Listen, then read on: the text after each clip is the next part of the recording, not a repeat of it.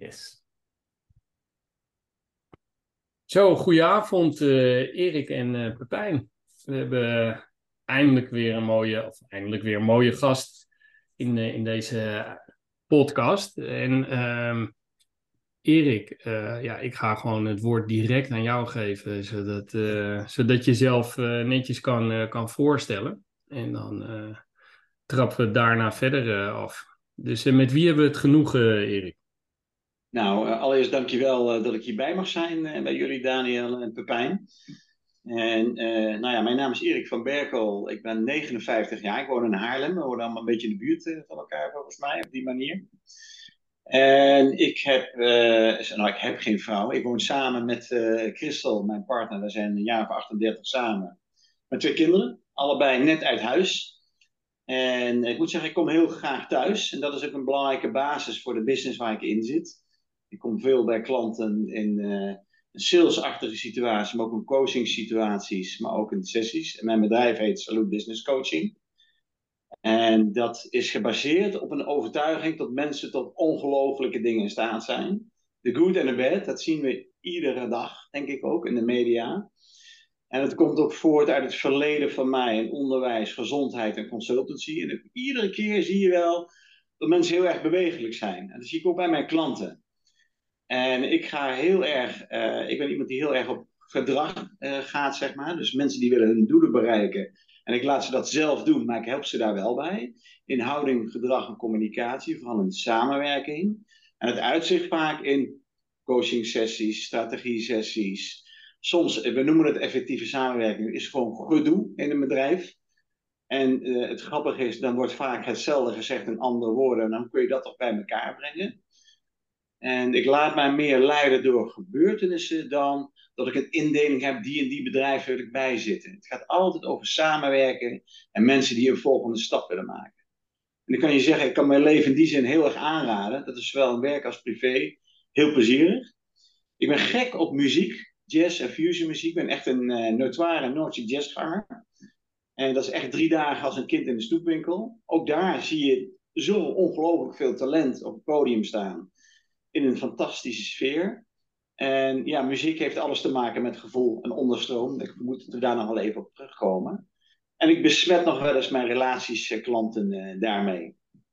Ja, mooi, heel uh, mooie, mooie introductie. En het is denk ik ook wel leuk, Pepijn, om even te zeggen van hoe wij nou bij Erik zijn, zijn uitgekomen. Ja. Nee, zeker. Want ik kan Erik van harte aanbevelen als uh, coach. Want volgens mij, uh, ik zat even te denken, volgens mij was het 2018, uh, echt wel een stuk voor corona, dat wij voor het eerst met elkaar in contact kwamen. En ja, ik het, ja, ik, het leek mij prettig om eens één keer per maand uh, ja, te kunnen sparren met iemand, om een mooi woord te gebruiken.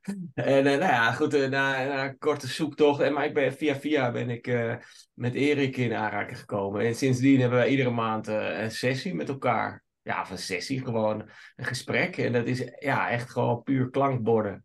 En ja, gewoon, ja, is, ik kan het van harte aanbevelen. Dat is echt heel prettig. En dat, uh, wat ik daar fijn aan vind, is dat dat, dat, dat zowel zakelijk uh, helpt, maar ook gewoon persoonlijk. Hè? Er zijn soms ook in je privéleven dingen waarvan het fijn is om het even met iemand te bespreken. En uh, nou ja, goed, nee, dus dat is echt wel een, een uitkomst. Ja, en door de jaren heen, ja, dat is inderdaad echt wel jaren. Dat is wel apart, dat is wel heel snel gegaan allemaal. Ja, nou ja, praten we ook over van alles en nog wat en leer je elkaar goed kennen. Eigenlijk en, je uh, vijfjaarsabonnement is nu. Uh... ja, zo'n beetje wel, ja. dus, uh, nee, maar ja, dat is hartstikke leuk. En ik, ja, vandaar, we speelden al langer met het idee om eens in de podcast ook een onderwerp ja. aan te pakken samen. Dus nou ja, eindelijk is het ervan gekomen. Dus ja, hartstikke leuk. Ja, en ik denk dat um, de, toen, toen we dit een beetje aan het voorbereiden waren, toen zaten wij heel erg te denken van oké, okay, hoe kunnen we los van de eigen ervaring uh, van, van Pepijn en uh, wat je net uh, vertelde, dat, dat mensen tot ongelofelijke dingen in staat zijn, wilden we kijken van oké, hoe, hoe kunnen we dat naar sales toe brengen? En toen kwamen we eigenlijk erop dat, ehm, dat je eigenlijk ja, altijd in contact komt met mensen, bestaande relaties, maar ook, ook nieuwe, echt alles nieuw. En dat ja, is uiteindelijk van uh, ja, bedrijven doen zaken met elkaar, maar het zijn de mensen die met elkaar de, de deal sluiten. Dus eigenlijk wilden we daar een beetje op gaan, uh, gaan inzoomen. en eigenlijk ook gewoon heel open aan jou vragen van ja, als je zo'n gesprek ingaat en het, uh, zoals dat dan zo mooi heet, verbinding maken.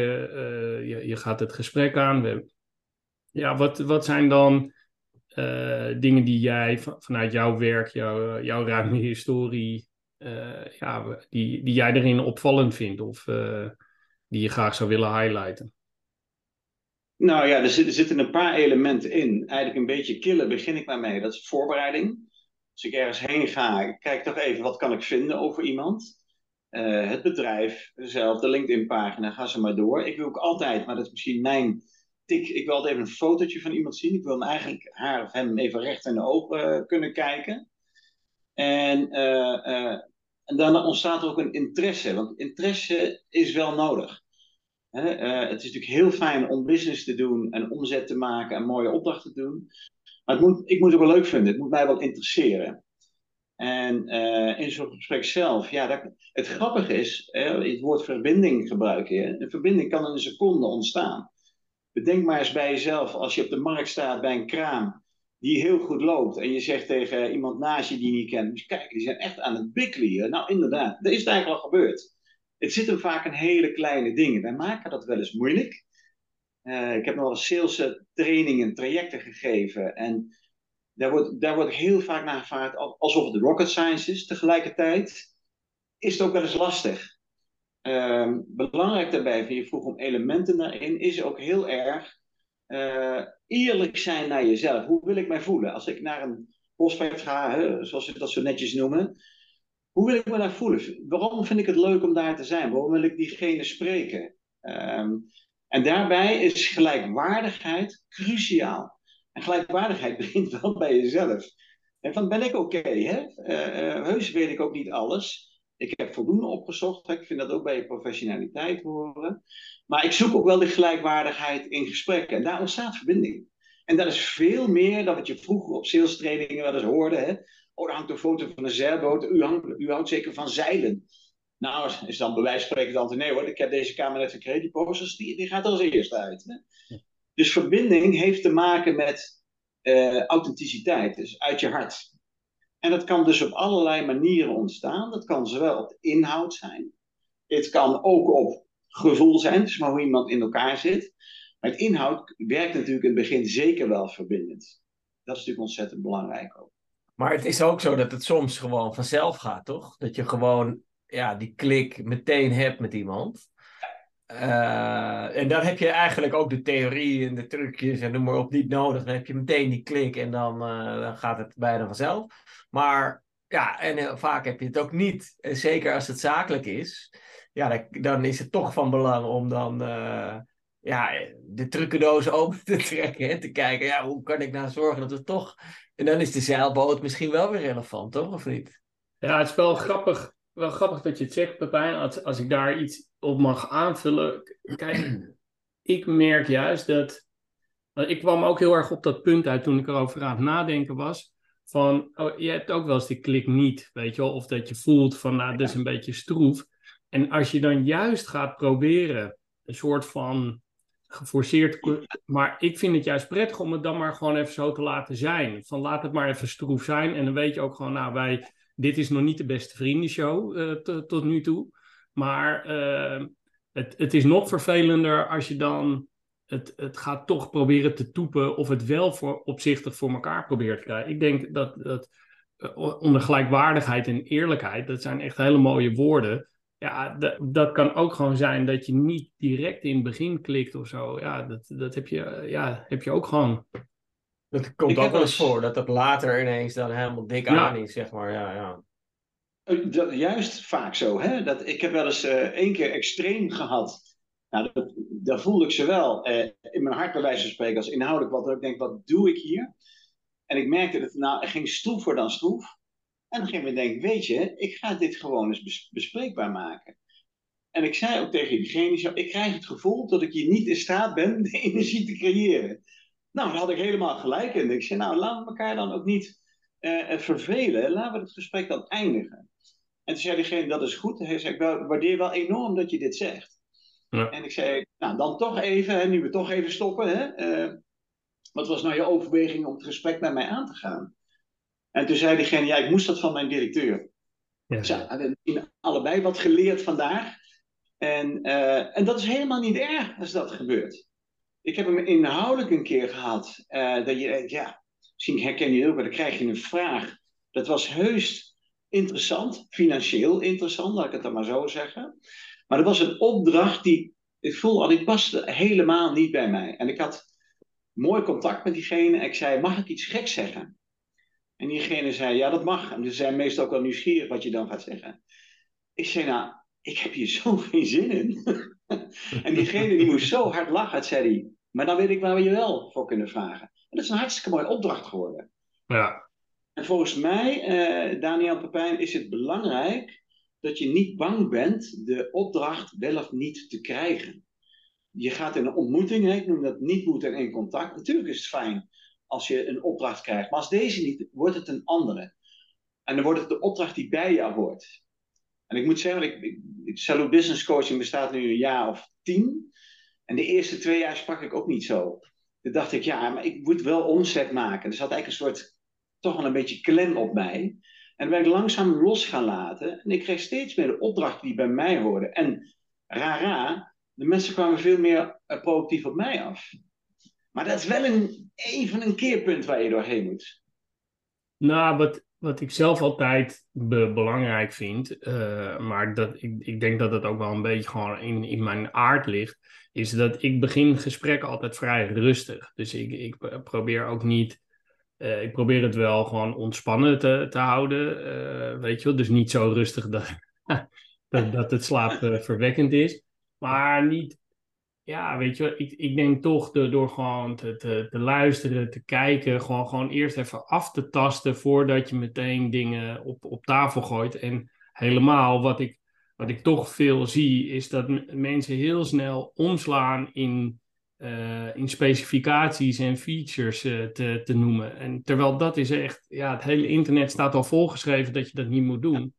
Maar toch, toch is dat een soort van houvast. En ik denk dat je, dus dat je, wat Pepijn eigenlijk net zei, dus dat een persoonlijke ontwikkeling ook wel heel belangrijk is. Bij dat, je, ja, dat je gewoon wel een beetje openstelt en uh, gewoon wat vragen stelt. Dat je gewoon niet meteen je, je verhaal neer, uh, neerkwakt uh, wat, je, wat je kan doen. Want dan wordt het ook een heel binair gesprek, denk ik.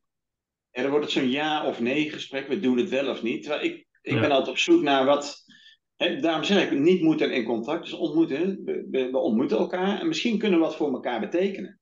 Iemand vroeg mij ooit, dat is wel grappig en volgens mij heb ik de pijn wel eens een keer verteld. Die vroeg aan mij, uh, en misschien herken je de vraag ook wel, wat onderscheidt jou nou? en dat is, een, valkuil van je welste. Uh, daar kun je op gaan antwoorden en ieder antwoord wat je dan geeft is, nou, dat vind ik niet onderscheidend.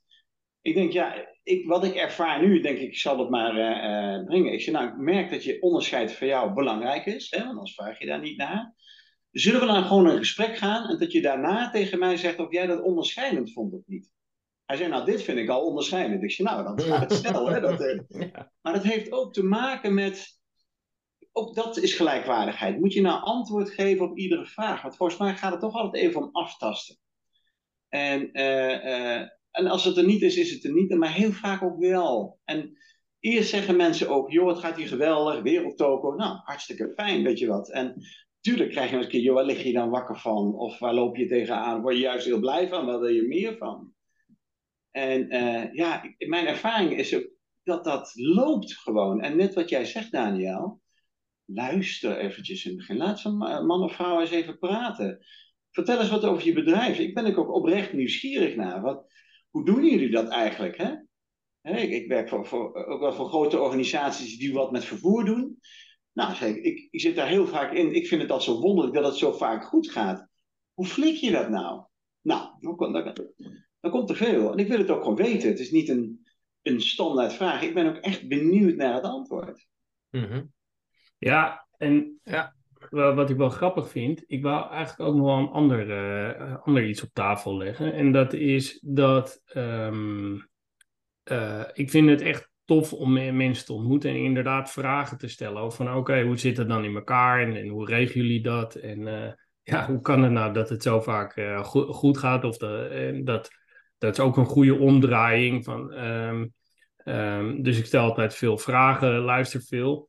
Maar je zou verwachten dat wanneer je veel mensen ontmoet, veel organisaties spreekt, dat je een heel sociaal persoon bent. Terwijl ik mezelf niet, ik ben niet per definitie heel sociaal, maar ik vind het wel heel erg leuk. Dus ik zat te denken van, is het, is het nou echt aan, uh, aan sociale eigenschappen te, te koppelen, uh, denk je Erik? Of ja, is het toch, toch een soort aparte vorm van waarin je dan met elkaar praat of zo? Is het toch een soort apart iets waar, uh, wat, wat dan ontstaat? Of zou je dan toch wel kunnen zeggen van, nou joh, ja, je noemt jezelf niet sociaal, maar je, je hebt toch wel sociale eigenschappen nodig om zo'n gesprek te kunnen voeren? Ja, het is wel een mooie vraag, want het is sociaal. Ja, wat is sociaal? Hè? Wie bepaalt ja, dat? Hè? Ja, dat uh, uh, en ik geloof heus wel uh, dat we beleefd proberen te zijn aan mensen. Daar gaat die andere altijd nog over of dat zo is. Hè? Maar het heeft wel te maken met. Dat had je vroeger misschien wel eens. Kun je herinneren als je een eerste college kreeg en er kwam een docent voor de groep. En je wist binnen 30 seconden, die gaat het redden, die niet. Dat wist je binnen 30 seconden. Had er niets met de inhoud te maken. Dat blijkt heel erg te maken te hebben dat iemand gegrond is bij zichzelf. Dat is, en dat voel je enorm. Dat, dat is een belangrijke. Het klikt er iets met elkaar. En het aardige is, want belangrijk met wat is sociaal of niet, het heeft te maken met, klopt het bij wie jij bent? Maar ik durf te wedden dat wij alle drie, zoals wij hier zitten, verschillend zijn. Alleen als wij in gesprek staan, doen we dat op een manier die bij ons past. ik heb als collega's gehad die gingen iemand imiteren. Die succesvol was, bijvoorbeeld in sales. Alleen dat zag er niet uit, joh. Want je voelt Mhm. gelijk, dat ben jij helemaal niet. Nee. En ze zeggen wel eens, hè, iemand is niet authentiek. Mijn reactie is altijd, iedereen is authentiek. Alleen voelt het soms niet authentiek. Want iedereen is authentiek. Dat hoort daar blijkbaar ook bij, dat gedrag. Ja, nou, doel- we hebben het daar heel veel over gehad in de Ja. podcast. Dat om goed connectie te kunnen maken, is authenticiteit eh, echt ja, van levensbelang gewoon. En nu, je, hebt, je hebt vaak verteld over de theorie, hè, die, of de theorie gewoon, ja, het is een theorie, maar gewoon eh, eigenlijk een soort structuur die je in een gesprek eh, aan moet houden. Eigenlijk een volgorde, waarbij het begint met die onderstroom. Kan je daar iets meer over vertellen? Dus je begint met die onderstroom en dan volgen er andere stappen, hè?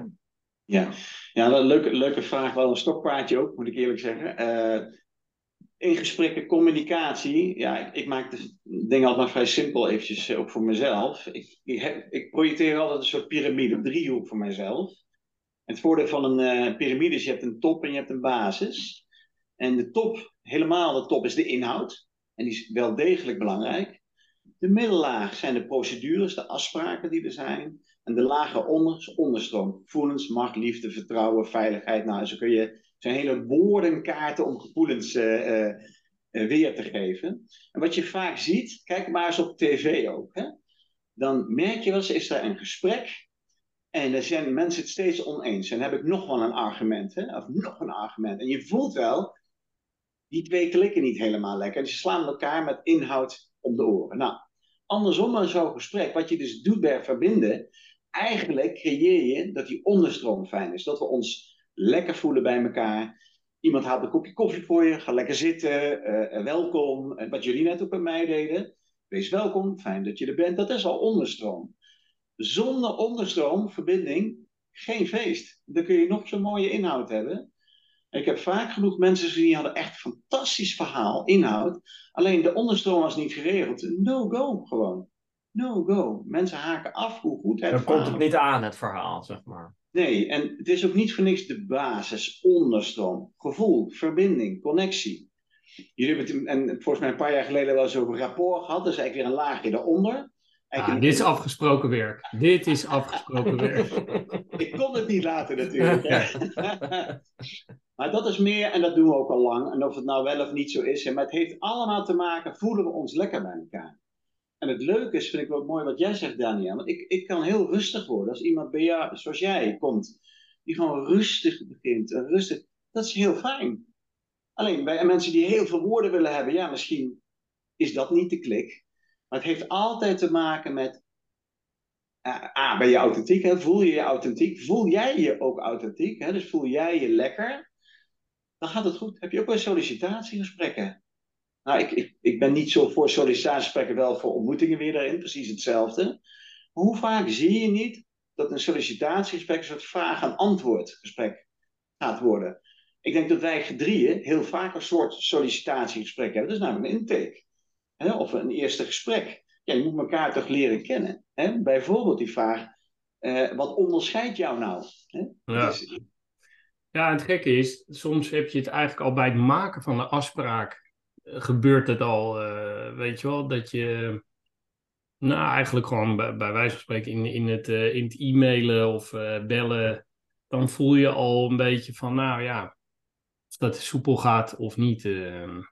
Hey, maar, maar ja, toch, kijk, uh, wat veel leuker is, is om het te hebben over wanneer het niet goed gaat, toch? Dus ja. ik denk dat wij met z'n drieën misschien wel duizenden gesprekken hebben gevoerd in ons uh, werkende leven.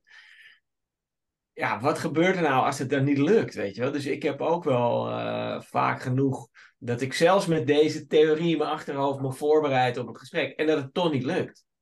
Dat het toch gewoon ja, echt een slecht gesprek is. Nou ja, kijk, ook, ook dat is weer van hoe definieer je slecht gesprek. Maar ik vind als je zeg maar er heel samen heel goed uitkomt, dat het gewoon geen fit is met wat jij op dat moment te bieden hebt en wat, wat die andere partij nodig heeft. Eigenlijk de, de, de, waar Erik zei, ik heb hier zo geen zin in. Die, ja. zeg maar dat, dat moment.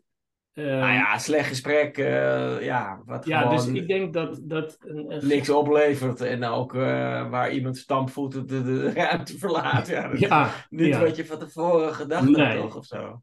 Nee, maar dat... dat hebben we alle, alle drie meegemaakt. Ja, ja, ja, maar dat...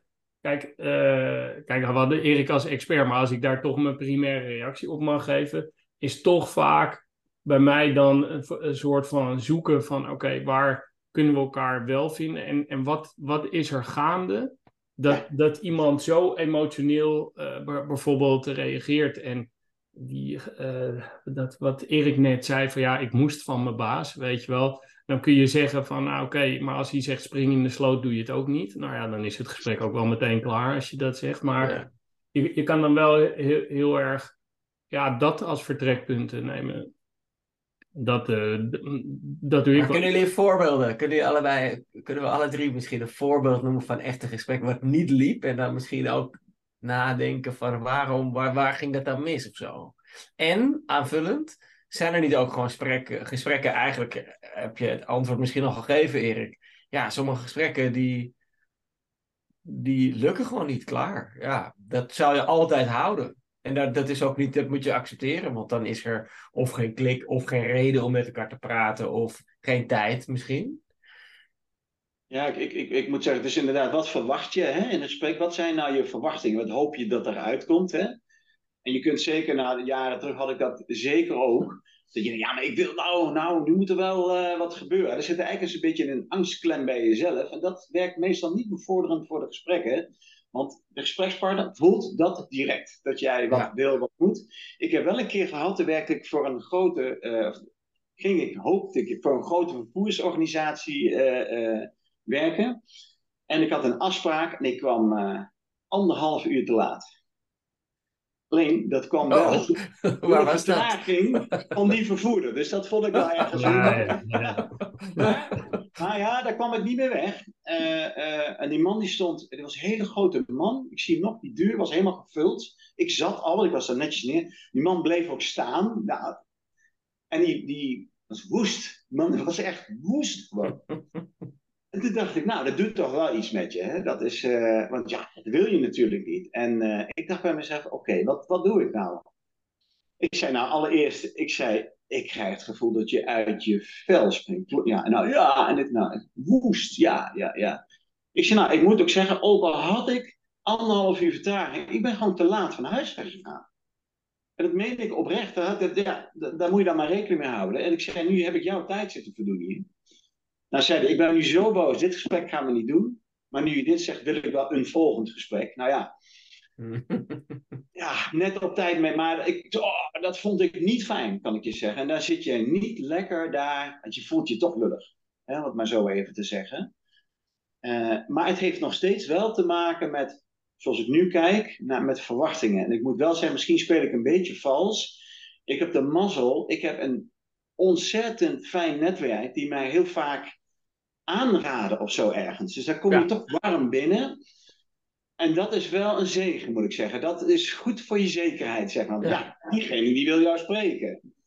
Nou, waar, ik, uh, waar, waar, ik, uh, waar ik aan moest denken is, um, en dat bedoel ik echt niet flauw, maar ik heb, uh, ik heb weinig gesprekken die echt nou, met woedende mensen en zo zijn geweest. Ik bedoel, ik heb wel echt, zeg maar, toen ik aan een, wel zeg maar een keer een, een kwam ik ergens nieuw, kwam ik in een klantgroep waar echt, echt serieus veel ontevredenheid zat. Dus, dus de ene afspraak na de andere afspraak was, was een grotere emmer stront. Maar aan de andere kant van, ja, vind ik dat niet zo erg, omdat er dan ook veel, heel veel winst te, te behalen is. Dus, uh, en dat was niet persoonlijk aan mij. Maar waar ik uh, twee keer uh, de fout ben ingegaan, of nee, drie keer in totaal, dus kun je nagaan, dat blijkbaar is dat ik vooraf weet dat het een hele moeilijke klant is, of waar die bijvoorbeeld geen afspraak wil. Die, die, uh, de, dus ik heb dat een paar keer gehad.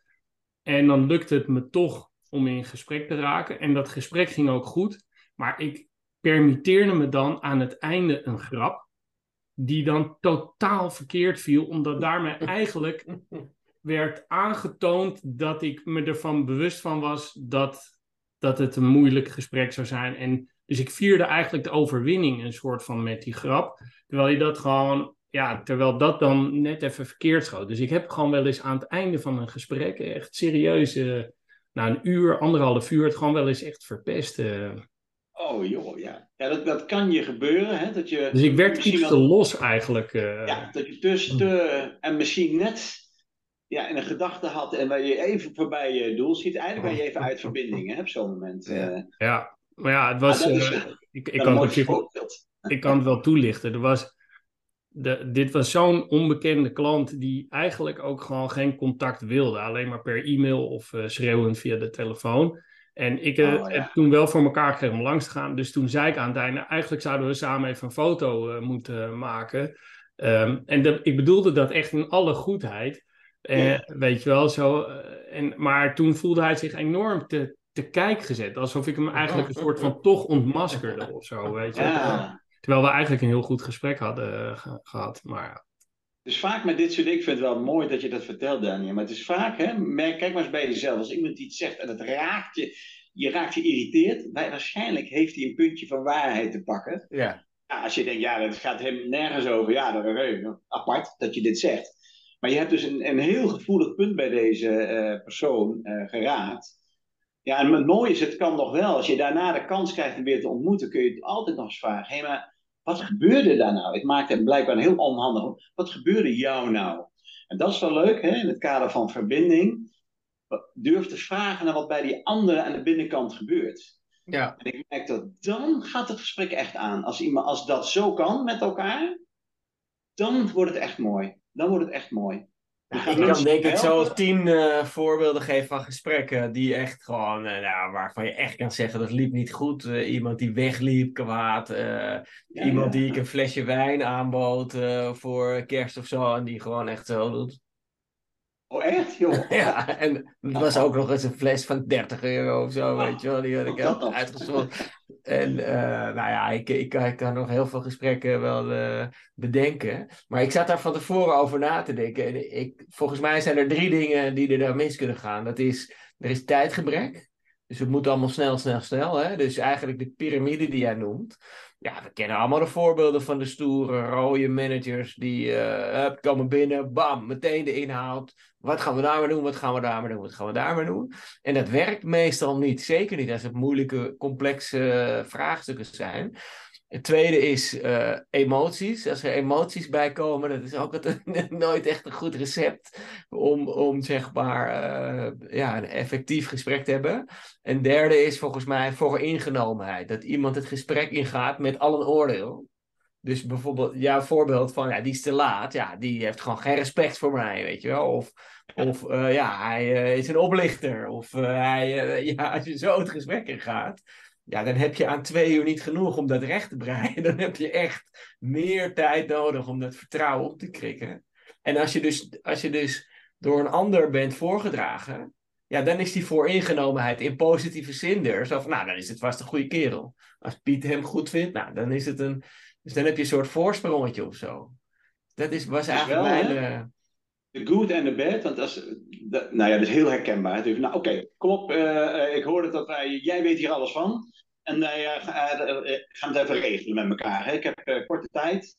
En, en, het irriteert me toch wel dit of dat. Nou ja, durf je op zo'n moment toch die emotie te benoemen. Hè? Aan de andere kant, hé, hey, ja. natuurlijk, hè, ik merk korte tijd. Nou, laten we kijken wat we kunnen doen.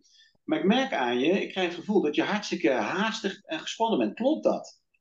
En nou, als dat kan, hè, en dat voel je vaak, dan wordt het toch interessant. En ik heb altijd gemerkt, ik zonder uitzondering, dan is er meer tijd ook. Meer tijd. Maar eigenlijk wat je zegt is nou dat je kan beter dus zeggen van oké, laten we een ander moment plannen. Ja. Dus als je vanuit die onderstroom, als dat niet lukt om die klik, dat je dan ook niet door probeert te pakken naar de volgende stap. Dat je dan, en dat ook zo uitlegt van ja, dit heeft misschien geen zin, laten we gewoon volgende week uh, wat meer maar tijd dat, of zo Dat is echt, echt heel herkenbaar. En het, het is ook, ik, ik zou het geen strategie willen noemen, maar je, je moet zeg maar zelf de rust hebben en, en de taart eet je niet in één keer op met, met ze, weet je. Die, je, je moet gewoon de tijd nemen. En um, soms heb je niet direct die fit. Uh, ja, ik noem het altijd gewoon een fit, weet je wel. En uh, kan er allemaal uh, termen aan geven. Maar dan is het wel goed om te zeggen van, ah, weet je wat, weet je, ik, ik heb wel het gevoel dat we elkaar kunnen helpen, maar we kunnen het blijkbaar op dit moment nog niet concreet maken. Maar zullen we anders afspreken dat, nou, en dan ja. heb je toch een, een, een goed vervolg. En ja, weet je, of je zegt van nou, ik ga het even op me in laten werken, maar ik wil, wil, zeker dat we voor het einde van de maand hier nog even contact over hebben. Of voor ja. het einde van de week ga ik je toch nog even een keertje bellen. Nou, en dan zo kun je toch weer je, je piketpaaltjes uh, slaan. Uh. Ja, efficiëntie werkt echt niet. Nee, nee. In de ideale wereld, hè, er zijn natuurlijk vele technieken ook en theorieën. Zo spin is ook weer een, een sales hè, techniek. En wat ik interessant in spin vind, is dat je een impliciete en expliciete behoefte hebt. Hè? Dus van, wat, wat als het lukt, hoe fijn is dat? En die expliciete, maar stel het lukt niet, hoe erg is dat? Hè? En daar, als ik de, de verbinding goed is, is het daar, daar leg ik de nadruk op. Stel, ja. we doen het niet. Ik zei, het kost jou veel tijd, mij veel geld. Stel, we doen het niet. Hoe erg is dat? Ja. En meestal moeten ze ook even lachen dan. Ze denken, oh, je durft zomaar die sale weg te doen. Nee, ja. want heel flauw gezegd, en dat zullen jullie ook misschien wel herkennen, de oplossing is vaak nog het makkelijkste. De oplossing is niet zo moeilijk. De weg erheen. En is het de moeite waard? We gaan het traject aan. Dat gaat een keer tegenvallen. Dus dan moet het voldoende de moeite waard zijn om door te zetten. En die expliciet behoefte, die pijn, hè, 80% van de mensen beweegt uit pijn in plaats van fijn. Is het dan zo de moeite waard? Wil je daar zo van af? Dat is interessant, want dan gaan mensen wel open. Vind ik altijd een heel moment in, een mooi moment in een gesprek. Ja, of, of dat je gewoon aangeeft van, nou, je hebt die andere optie liggen. Die klinkt gewoon echt supergoed. Ik zou dat zeker doen als ik jou was. Ja, heb ik ook vaak dat uh, gezegd, weet je. Precies, precies. Dus ook niet bang zijn, dan heb ik geen deal. Nou, ik, ik stel die klant wel centraal. Die moet doen wat het beste ja, voor hem of ja. haar is. Nee, maar dat is ook een voorbeeld van dat er bijvoorbeeld aan jouw kant tijdsdruk op zit qua business. Dat je het einde maand, het einde kwartaal, ja, dat werkt vaak averechts. Dat werkt ja. vaak, meestal werkt dat averechts. Dan moet je verbinding wel zo sterk zijn, wil je, wil je dat in kunnen zetten of zo, wil iemand daar begrip voor hebben. Anders dan maak je Overigens zei ik wel, om het af te maken, dan, als ik dan een ander aanbeveel, dan zei ik wel, maar als het misgaat, dan, dan wil ik de eerste zijn die uh, belt. Uh, en dan heb je echt wel een hele mooie iets te pakken, ja. weet je wel. Uh, wat niet misschien direct in, ja. je, in je cijfers komt, maar wat, wat vroeg of laat gewoon een keer bij je terugkomt. Hey, wat wel een mooie lakboes ja. was, was de, ten, ten tijde van de coronatijd, nou, daar was Pepijn ook bij, daar hebben we toen wel eens over gehad. En ook ik, hè, ik geef nog wel de sessies en noem maar op. En ja, het januari, februari uh, van dat jaar gingen uitstekend, want 15 maart ging de boel op slot. Hè? En al je business weg. Hè? En ik dacht, nou Erik, je wil ondernemen, je gaat ondernemen. Hè? Als, je, als je jezelf wil leren kennen, ga ondernemen, zou ik zeggen. En wat bleek... Je toiletpapier gaan verkopen. Nou, het grappige is, natuurlijk werd ik heel uh, mooi verrast. Een klant belde mij op, een CFO van een organisatie, en die zei: Erik, wij gaan wat doen aan de betalingstermijnen. Had ik toch even van: oké, oké. Hij zei: Die uh, gaan wij terugbrengen naar nul dagen en je mag drie maanden vooruit factureren. Wauw, zei wat fantastisch. Ik zei: Maar toch even, wat maakt dat je dit doet? Ik ben er heel blij mee. Hij zei: We zijn heel tevreden over jou en we willen dat jij je fijn blijft voelen. En sinds dat telefoontje ging, boom, die business ook helemaal aan. Mooi. Zo'n soort momentum ontstond. Ik zal het nooit vergeten. Ik zal het nooit vergeten. Iemand, doe dat maar, hè? Ja, ja. mooi. Ja, dat, uh, en in, in diezelfde categorie is ook een abonnement bijstellen. Dus dat je iemand gewoon opbelt en zegt, joh, ik, ik zie dat je dit abonnement hebt, maar je gebruikt dat helemaal niet. Je kan veel beter in een lager abonnement gaan zitten en we gaan dat corrigeren met terugwerkende kracht. En nou ja, weet je, dat zijn de... de... Maar ik, ik heb nog wel even een vraag, maar ik zie dat we wel de, de dying seconds ook uh, naderen. Van, ik ben uh, nog wel even benieuwd, uh, Pepijn. Wat, wat maakte zeg maar, dat jij bij Erik bleef? Ik wil niet por in een goed huwelijk natuurlijk. Maar, nou ja, kijk, ik heb dat best wel serieus aangepakt. Omdat ik dat ook serieus zag, weet je. Ik, ik vind ondernemen ook... Ik benader dat het liefst gewoon echt als topsport. En... En ja, net als een tennisser, die heeft ook uh, zijn fysio en zijn manager en, uh, en, zijn financiële man, bij wijze van spreken. Nou, zo dacht ik, ja, ik kan die steun ook wel gebruiken. Dus ik heb echt uh, drie verschillende coaches heb ik benaderd. Dan ben ik het gesprek mee aangegaan. En die onderstroom, letterlijk, was gewoon het best bij Erik. Ja. En nou, dat blijkt dan ook gewoon, weet je wel. Het is dan toch ja, waardoor dat uh, goed werkt. En ja, door de jaren heen leer je elkaar zo goed kennen, dan, uh, ja, dan gaat het steeds, uh, steeds makkelijker, weet je wel. Dus nou ja, het is echt geweldig. En soms hebben we niet zoveel te bespreken. En soms zit ik echt met duidelijke vraagstukken. Nou, dan is het heel fijn om dat even te kunnen bespreken. En dan meestal daarna dan weet ik wel, dan heb ik wel of een antwoord, of hoe ik tot het antwoord kan komen. Nou, dat is helemaal super. Ja, de, ik, denk, ik denk dat het ook wel het hoogst haalbare is dat je, als je echt met zakelijke relaties of mensen die je zakelijk ontmoet hebt, dat je wanneer je bij wijze van spreken een feestje geeft en dan denkt van, nou, zal ik die ook uitnodigen? Ik denk dat dat de best denkbare of het hoogst haalbare is wat je over en weer eigenlijk uh, kan, kan halen. Want dan heb je, dat is zeg maar onderstromen in het kwadraat. Of ik wil je piramide nu niet omverwerpen hoor, uh, Erik. Maar meer dat ik denk van, volgens mij heb je dan, is, is het niet dat dit een soort praktische tip is van ga elkaar eens uitnodigen op verjaardag. Maar meer dat gevoel dat je denkt van, nou ja, weet je wel, dat dan praat je eigenlijk al gewoon over vriendschap in plaats van over uh, puur, uh, puur zakelijk. Goed, ik heb Erik natuurlijk wel verplicht om al onze podcastafleveringen te ja. Dus hij is de trouwe luisteraar van het. Dat is een zware dobber geweest om daar doorheen te komen.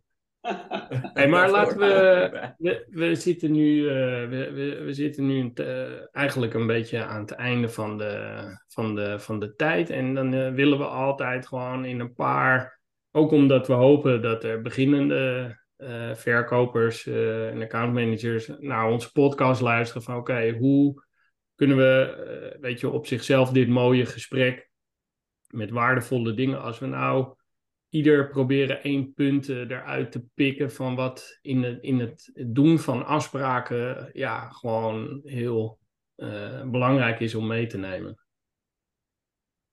En nummer uno is wees jezelf wees jezelf. Dat is echt nummer één. En wel grappig, ik hoor dat zelfs in jullie vorige podcast. Zorg dat je fit bent, fris bent. Uh, want ook dat is ontzettend belangrijk. Want je wil niet met een grijze duif uh, om tafel, volgens mij. Die helemaal niet zuinig op zichzelf is. Bereid je goed voor. En als je dingen voelt, durf het aan. Want het is gewoon een mens aan de overkant die ook zijn verlangens en alles heeft. En uh, die gelijkwaardigheid daarin. Dat is eigenlijk wat ik iedereen gun. En de basis zit dus bij jezelf. Ben ik oké met mezelf?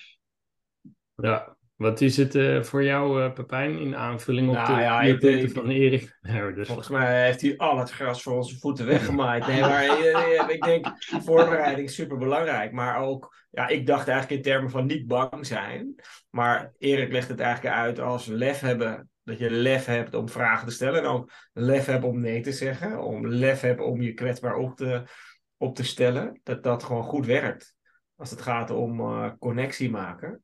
Ja, en in die voorbereiding dus die piramide in je hoofd hebben. Van ja, wel, wel die stappen doorlopen. Ja. Anders wordt het lastig. Nou, mijn duit in het zakje, die heb ik eigenlijk al uh, ook, ook gezegd. Maar ik, ik geloof echt in uh, dat je de rust bewaart. Ook al is er enorme druk, ook al is er totale paniek. Ik denk door, dat je door elkaar eerst goed te snappen, te begrijpen, te luisteren naar elkaar, goed te vragen. Door dat eerst goed te doen, dan kun je daarna veel sneller gaan. Ja. Omdat je veel beter weet wat, uh, wat er gevraagd is en wat de situatie is. Dus zorg gewoon dat je gewoon de rust bewaart. En ook wanneer iemand best wel een issue heeft of probleem heeft, ja, ga er dan ook zorgvuldig mee om. En niet voor de snelle, niet voor de snelle hap, maar uh, ja, dat... Ja, het is eigenlijk neem de tijd, hè. Dat is het ook. Neem de tijd om je voor te bereiden. Neem de tijd in het gesprek. Neem de tijd om die onderstroom zeg maar, plaatsen goed te laten zijn voordat je de volgende stap uh, zet. En dat is lastig in deze tijd waar alles zo snel gaat en alles efficiënt moet en iedereen altijd connected is en aanstaat. Dus uh, ja. En geniet vooral van gesprekken, zou ik aan zeggen. Ja. Nou, ik heb van dit gesprek zeker, uh, zeker genoten, Erik. Ik, ik wil je ongelooflijk bedanken en Mensen die denken van nou, die Erik, dat zou echt een hele goede zijn om daar eens verder mee te praten. Hoe, hoe kunnen ze jou benaderen, Erik? Nou, ze kunnen mij, mijn website vinden, Salut Business Coaching, kunnen ze vinden. En mijn LinkedIn profiel. Ja. Erik van Berkel, Salut Business Coaching. Nou, volgens mij komt het dan wel, ja, goed. dan gaan we daarmee eindigen. Dankjewel en tot, tot snel. Jullie ook bedankt voor de gastvrijheid. Later. Bedankt hè.